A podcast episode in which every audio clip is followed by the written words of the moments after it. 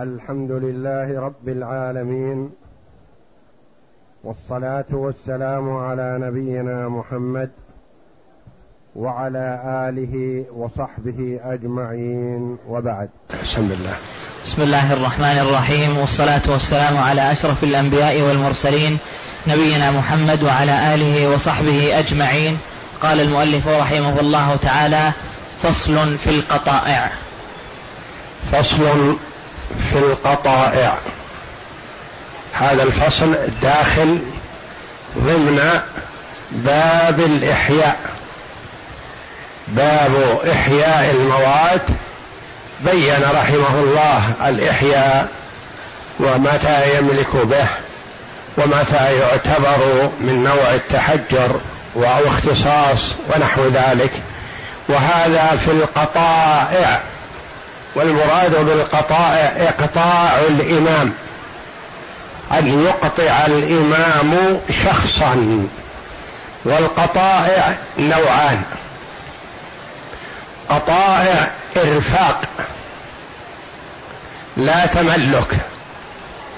وقطائع اختصاص يترتب عليه التملك إذا أحيا.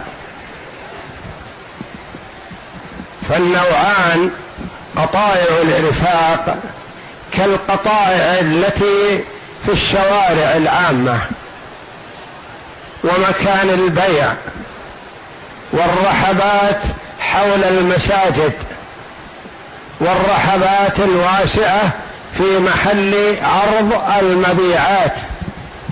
هذه تسمى إذا أقطع فيها الإمام قطائع إرفاق ما يملك به المقطع وإنما يكون مختصا بهذا الشيء. النوع الثاني قطائع أراضي واسعة في البراري في المواد. هذه إذا أحياها ملكها وإلا فيكون مختصا بها ما لم يعجز عن إحيائها. نعم. وهي ضربان إقطاع إرفاق وهي هي ضربان يعني نوعان. قطائع ضربان يعني نوعان. نوع لا يحصل به التملك أبدا وإنما يكون إرفاق وانتفاع فقط. ونوع يحصل به التملك بعد الإحياء. بدأ بالنوع الأول الذي هو قطائع الإرفاق. نعم. إقطاع إرفاق وهي مقاعد الأسواق والرحاب فللإمام إقطاعها لمن يجلس فيها فيصير كالسابق إليها إلا أنه أحق بها وإن نقل متاعه لأن للإمام النظر والاجتهاد فإذا أقطعه ثبت يده عليه بالإقطاع. فلم يكن لغيره أن يقعد فيه. مقاعد الأسواق والرحاب. فللإمام إقطاعها. يأتي مثلا الرجل يقول عندي كتب أريد عرضها للبيع. فيقطعه الإمام مكان في السوق يقول اعرض كتبك في هذا. عندي أطعمة أريد عرضها. يقول إيه؟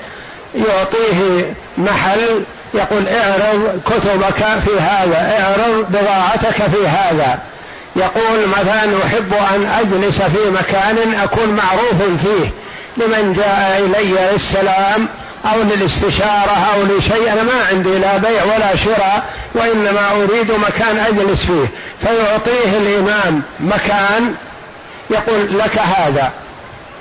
فيكون هذا بمثابة الاختصاص إلا أنه يفرق عمن سبق بنفسه لأن من سبق بنفسه هو أحق به ما دام موجود. فإذا ارتحل منه وحمم متاعه فغيره مثله فيه. أما من أقطعه الإمام فهو أحق به حتى وإن نقل متاعه. فللإمام إقطاعها أي إقطاع جنبات الشوارع والرحاب الأراضي الوسيعة الفسيحة بين البيوت أو بين أو في حول المساجد أو حول أماكن البيع والحراج ونحو ذلك. فللإمام إقطاعها لمن يجلس فيها سواء للبيع أو لغيره. فيصير كالسابق إليها. إذا قد يقول قائل ما الفرق بين الإنسان يسبق إلى هذا المكان أو يقطعه الإمام؟ نقول هناك فرق. اللي يسبق إلى هذا المكان مثلا جاء إلى هذا المكان مع طلوع الشمس وإذا ما في أحد وجلس فيه. هو أحق به ما دام جالس فيه وبضاعته معروضة أو فراشه موضوع هو أحق به. حمل بضاعته بعد صلاة الظهر أو بعد صلاة العصر وذهب بها ثم جاء بعد العصر يريد نفس المكان فإذا قد حل به واحد. فيقول أنا أحق به أنا حاميه من الصباح. قل أنت فيه ما دمت فيه فإذا انتقلت فلغيرك أن يسبقه أو يسبقك إليه. هذا السبق. أما إقطاع الإمام الإمام إذا قال له لك من هذا إلى هذا وجعل له علامة أتعرف بضاعتك مثلا من جدار أو رحبة أو رصيف أو نحو ذلك. تعرض بضاعتك أقطعه الإمام هذا. جاء ببضاعته في الصباح ووضعها. وعرضها في النهار. لما غربت الشمس حمل بضاعته. وجاء إليه من الغد فإذا واحد قد سبق إليه. يقول له ارتحل يا أخي هذا أنا أقطعني إياه الإمام. هذا الفرق بين ذاك هذا وذاك. من أقطعه الإمام أحق به وإن ارتحل. ومن لم يقطعه الإمام أحق به ما دامت بضاعته معروضة. فإذا رفع بضاعته وارتحل إن سبقه آخر غدا فالسابق أحق. وليس المراد بالإمام الإمام الأعظم يعني في كل الإقطاعات. قد يكل الإمام نوع من أنواع الإقطاعات إلى مثلا جهة أخرى مثل البلديات. هي التي تراقب الأسواق وهي التي تقطع مثلا هالمكان هذا سواء بأجرة أو بدون أجرة يكون المقطع له أحق به من غيره حتى وإن نقل بضاعته فإذا أتى بعد هذا فهو أحق به. فهو في فيصير كالسابق إليها إلا إن أنه أحق بها وإن نقل متاعه. إذا نقل متاعه اليوم وجاء من الغد إلى نفس المكان فهو أحق به.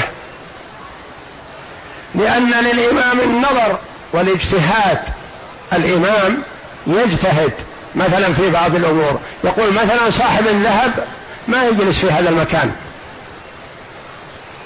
صاحب الطعام ما يجلس في هذا المكان. هذا لأصحاب الأواني. هذا المكان لأصحاب الفرش. هذا المكان لأصحاب الرطب والتمر. هذا المكان لأصحاب الخضروات مثلا. فالإمام يوزع وله حق النظر والاجتهاد وإذا أقطع شخصا فيكون أحق به من غيره. لأن للإمام النظر والاجتهاد.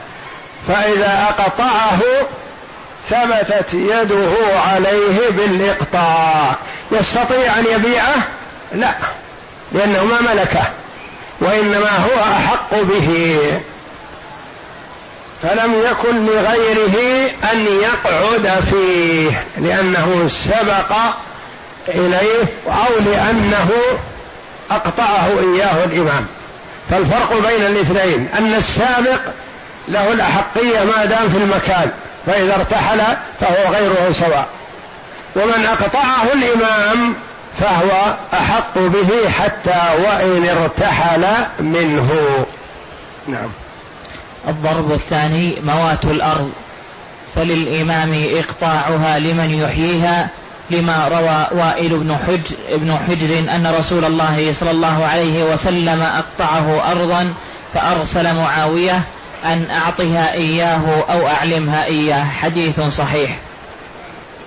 وأقطع بلال بن الحارث المزني وأبيض بن حمال المأربي وأقطع الزبير حضر فرسه رواه أبو داود. وأقطع أبو بكر وعمر وعثمان أصحاب رسول الله أصحاب, أصحاب رسول الله صلى الله عليه وسلم. نعم. الضرب الثاني يعني النوع الثاني من الإقطاع. موات الأرض. الضرب الأول في الأسواق. قد يكون المتر والمتران يساويان مئات الألوف مثلا. لكنها ما تملك هذه إقطاع رفاق ما يملكها المرء إذا أقطعها إياها الإمام. أما موات الأرض هذه الأراضي الشاسعة البعيدة عن العمران الموات. هذه الموات طلب من الإمام أن يقطعه روضة كذا أو نقرة كذا أو ما بين جبل كذا وكذا. فللإمام أن يقطعه ذلك لأن الإقطاع هذا فيه مصلحة. فيه مصلحة للمقطع نفسه يستفيد ويستدر هذه الأرض وينتفع بها. وفيه مصلحة للمسلمين عموما في إحياء الموات لأن أراضي جيدة طيبة التربة كونها تعمر في الأشجار والنخيل ونحو ذلك هذا فيه مصلحة. ينتفع الناس بذلك. تعمر في البنيان والبيوت والعمائر فيها مصلحة. ينتفع الناس بذلك. تقطع تعمر مثلا في المصانع ونحو ذلك مصانع بسيطة سهلة مثل مصانع بلوك ونحوها أو مصانع الحديد والألمنيوم والرخام ونحو ذلك. كل هذا فيه مصلحة يعني في عمارة الأرض مصلحة للمعمر ومصلحة لأهل البلد كلهم ينتفعون بهذا. فالإقطاع هذا إقطاع الأراضي البواح الأراضي الموات فيه مصلحة للكل. فللإمام إقطاعها لمن يحييها. للإمام إقطاعها لمن يحييها. يأتي للإمام يقول أنا عندي مشروع كذا وكذا. أريد أرض واسعة حتى أحييها بهذا المشروع. يقول له الإمام مثلا لك من الجبل هذا إلى الجبل هذا. لك من النفوذ هذا إلى النفوذ الآخر. لك من الوادي هذا إلى هذا. فيكون أحق به. هل يملكه؟ إذا قال له الإمام لك من هذا إلى هذا يأخذ الورقة ويذهب بها ويبيعها كما يفعل بعض الناس؟ لا هذا ما يصح لأنه ما ملك. فما يسوغ له أن يبيعها. إذا أحياها ملكها. وما دام لم يحييها فلم يملكها. قد يقول قائل اذا ما الفائدة من إقطاع الإمام؟ ما دام أنه ما يملك به. ألم تقولوا من أحيا أرضا ميتة فهي له عن النبي صلى الله عليه وسلم؟ قلنا نعم. وإقطاع الإمام فيه فائدة. لأنه إذا شرع في الإحياء مثلا قد يأتيه شخص يشرع في الإحياء حوله فيضايقه. فإذا قال له الإمام لك من هذا إلى هذا ما أحد يستطيع يأتي إلى المكان الذي حدده له الإمام ويحييه حسب استطاعته. فإن أحياه ملكه وإن لم يحييه استدعاه الإمام أو نائبه فقال له نحن أقطعناك من كذا إلى كذا وما نراك أحييت. منعت المسلمين من الاستفادة منها وأنت لم تستفد. فيقول له ارفع يدك عنها سنقطعها لغيرك. يقول أطلب الإمهال. أنا ساعي في الإحياء. نقول نعم. يمهله الإمام شهر أو شهرين يتمكن به من الإحياء. فإن فعل تملك. وإن لم يحيي أقطعها الإمام لغيره. فإقطاع الإمام بمثابة التحجر أو الاختصاص ولا يضايقه أحد. حتى يحييها فيملكها. ما أحياها يستدعيه الإمام ويقول له تحييها ولا ما أقطعناها لغيرك. فهو ما يملك بإقطاع الإمام وإنما يكون مختصا. فللإمام إقطاعها لمن يحييها لما روى وائل بن حجر أن رسول الله صلى الله عليه وسلم أقطعه أرض. طلب وائل بن حجر من النبي صلى الله عليه وسلم أرضا واسعة فأقطعه إياها. وقال لمعاوية رضي الله عنه اذهب معه وسلمها له. حددها له. هذه إياها. فيكون في حسب ما أعطاه وحددها له معاوية. وأقطع بلال بن الحارث المزني وأبيض بن حمال المازني وأقطع الزبير خضر فرسه أقطع الزبير الزبير بن العوام رضي الله عنه ابن عمة رسول الله صلى الله عليه وسلم وهو أحد العشرة المبشرين بالجنة رضي الله عنهم وهو أحد الستة الذين عهد إليهم عمر بن الخطاب رضي الله عنه بتولي إمارة المسلمين من بعده. فهو من السابقين إلى الإسلام ومن من له جهد عظيم في الإسلام وكان صاحب فرس رضي الله عنه ويرسله النبي صلى الله عليه وسلم في كثير من المهمات. خضر فرسه يعني ركضة فرسه مرة واحدة. الفرس عادة يركض من مكان إلى مكان مثلا ثم يقف. فهذا التحديد. بدل ما يقول مئة متر خمسمائة متر ثلاثمائة متر أقطعه ركضة وخضر فرسه ثم إن الزبير رضي الله عنه لما ركب الفرس وقف رمى الصوت زيادة. فقال النبي صلى الله عليه وسلم أعطوه منتهى صوته أو مسقط صوته. يعني خضر فرسه وزيادة رمية الصوت الذي رماه رضي الله عنه. وهذا دليل على أن جمع المال من الحلال والعمل له والاستفادة منه ما يضير الإنسان في دينه. الزبير رضي الله عنه أحد العشرة المبشرين بالجنة. وطلب من النبي صلى الله عليه وسلم أن يقطعه أرض فأقطعه خضر فرسه. يعني ركبة الفرس ثم إنه طلب الزيادة فرمى الشوط رضي الله عنه. رواه أبو داود وأقطع أبو بكر وعمر وعثمان رضي الله عنهم أصحاب رسول الله صلى الله عليه وسلم ورضي الله عنهم. يعني الذين أقطعوا الولاة أبو بكر أقطع وليس هو المقطع وإنما أقطع أبو بكر وأقطع عمر وأقطع عثمان.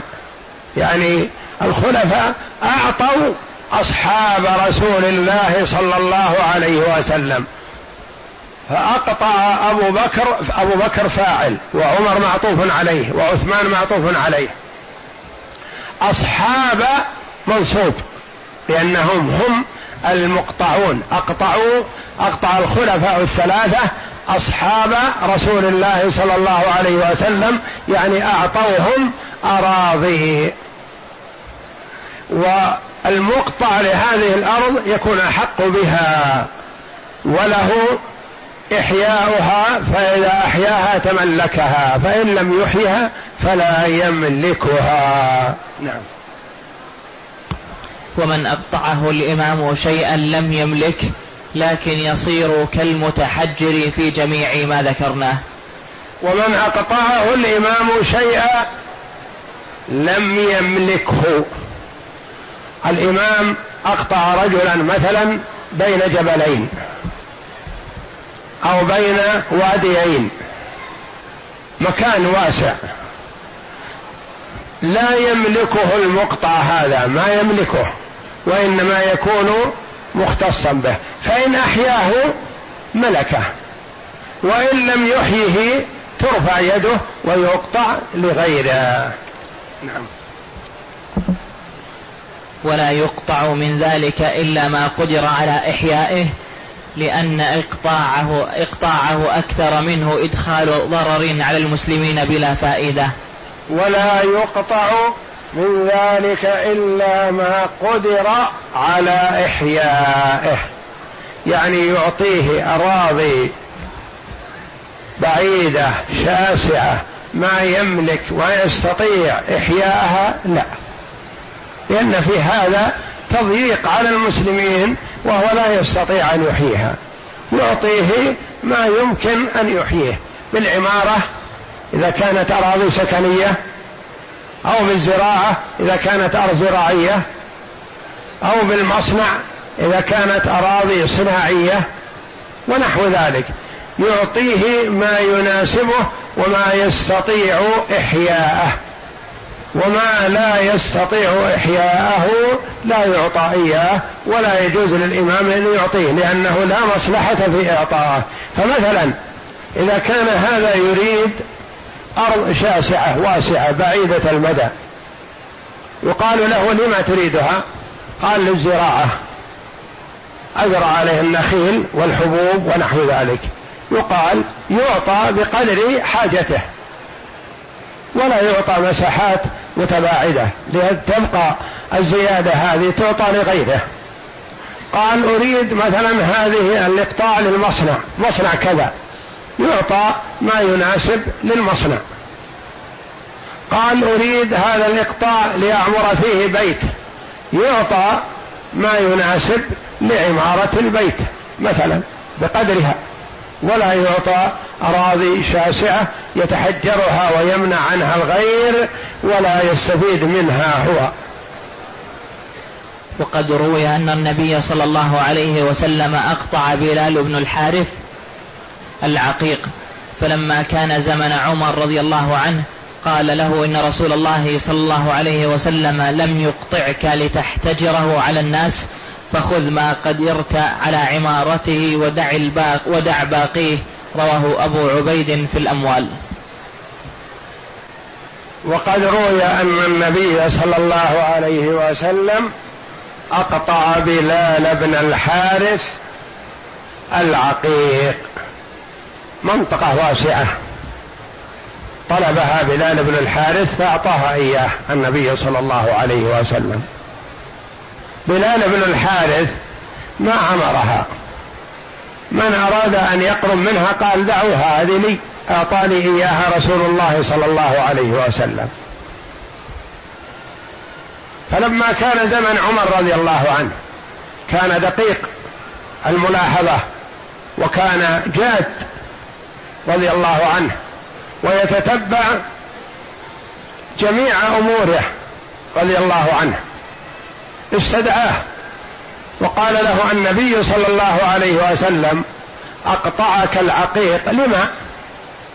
لتمنع المسلمين عنه؟ ما الفائدة؟ أعطاك إياه لتحييه. أحييته ملكته. ما أحييته فأنت نأخذه منك. ارفع يدك. فقال له عمر رضي الله عنه أحي ما استطعت. الشيء الذي تستطيع إحياه خذه وما لا فلا. لا تتحجره على المسلمين. يعني كأن بلال بن الحارث أقطع في زمن النبي ومضى زمن النبي صلى الله عليه وسلم ومضت خلافة أبي بكر الصديق رضي الله عنه وبعضا من خلافة عمر والرجل ما عمل شيء. فاستدعاه عمر وقال له إن النبي صلى الله عليه وسلم أقطعك إياه لأجل أن تحياه. فتنتفع أنت وينتفع الناس بإحيائك لأنه أي نوع من أنواع الإحياء ينتفع الآخرون به ولهذا سمي إحياء لأنها كانت أول ميتة ثم أحيت صارت يستفاد منها فأنت أعطيت إياها من أجل الإحياء. فإذا بك ما فعلت شيء فارفع يدك خذ ما تستطيع إحياءه ودع الباقي. فدل هذا على أن من أقطع أرضا لم يستطع إحياءها فإنها تؤخذ من يده ولا تقر في يده يمنع عنها المسلمين وهو لم يستفد منها. يقول رواه أبو عبيد في الأموال هذا أبو عبيد رحمه الله آه، له كتاب الأموال كتاب جيد ذكر فيه ما يتعلق بالأموال كلها بيانا فيه واضح جلي يستفيد منه طالب العلم كثيرا. والله أعلم. وصلى الله وسلم وبارك على عبده ورسول نبينا محمد وعلى آله وصحبه أجمعين.